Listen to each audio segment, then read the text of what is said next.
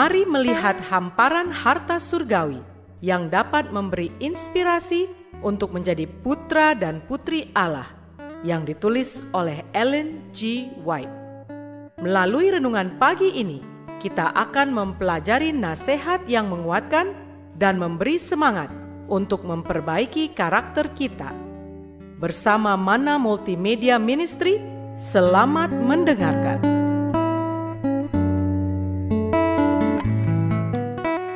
Shalom, selamat pagi saudaraku.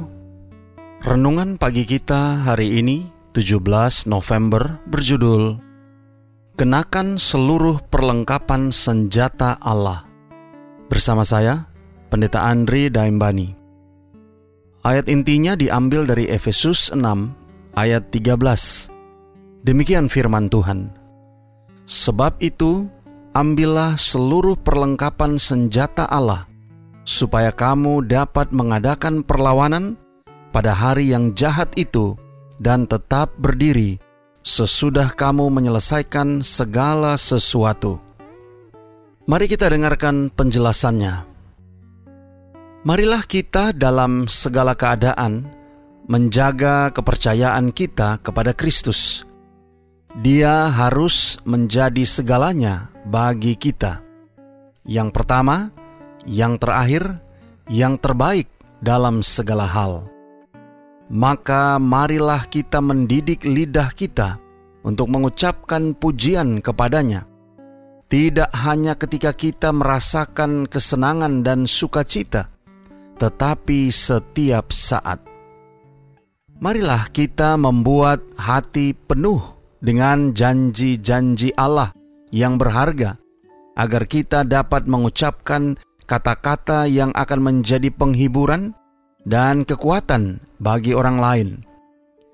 Dengan demikian, kita dapat belajar bahasa malaikat surgawi yang jika kita setia akan menjadi sahabat kita selama zaman kekekalan. Setiap hari, kita harus membuat kemajuan dalam mendapatkan kesempurnaan karakter dan ini pasti akan kita lakukan jika kita berusaha menerima panggilan tertinggi kita dalam Kristus Yesus. Janganlah kita berbicara tentang kekuatan besar setan, tetapi tentang kekuatan besar Allah. Dalam setiap jiwa, dua kekuatan berjuang dengan sungguh-sungguh untuk meraih kemenangan. Ketidakpercayaan mengerahkan pasukannya, dipimpin oleh setan untuk memisahkan kita dari sumber kekuatan kita. Iman mengerahkan kekuatannya, dipimpin oleh Kristus, sumber dan penyempurna iman kita. Jam demi jam, di hadapan alam semesta surgawi, pertentangan berlanjut. Ini adalah pertarungan langsung, dan pertanyaan besarnya adalah: siapakah yang akan mendapatkan penguasaan? Pertanyaan ini masing-masing harus memutuskan untuk dirinya sendiri. Saudara-saudara yang kekasih di dalam Tuhan, dalam peperangan ini semua harus ambil bagian, bertarung di satu pihak atau di pihak yang lain. Tidak ada yang bisa keluar dari pertentangan ini. Kita didesak untuk siap menghadapi pertentangan ini. Hendaklah kamu kuat di dalam Tuhan, di dalam kekuatan kuasanya. Kenakanlah seluruh perlengkapan senjata Allah, supaya kamu dapat bertahan melawan tipu muslihat iblis. Peringatan itu diulangi. Sebab itu ambillah seluruh perlengkapan senjata Allah, supaya kamu dapat mengadakan perlawanan pada hari yang jahat itu dan tetap berdiri. Dia yang kepadanya semua kuasa di sorga dan di bumi telah diberikan, akan datang untuk membantu mereka yang percaya kepadanya. Doa kita hari ini. Bapa, terima kasih.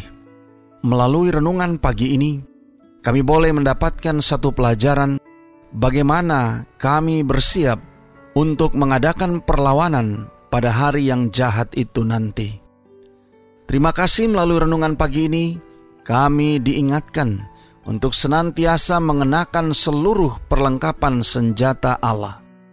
Tolong kami hari ini Bapa, biarlah dengan pertolongan kuasa roh kudusmu, kami boleh dapat disanggupkan menghidupkan firman yang sudah kami dengarkan, agar kami dapat bertahan melawan tipu muslihat iblis, dan kami dapat mengadakan perlawanan pada hari yang jahat itu, dan kami tetap teguh berdiri mempertahankan iman kami kepada Kristus. Terima kasih Bapa. Inilah doa dan permohonan kami kepadamu. Di dalam nama Yesus kami berdoa. Amin.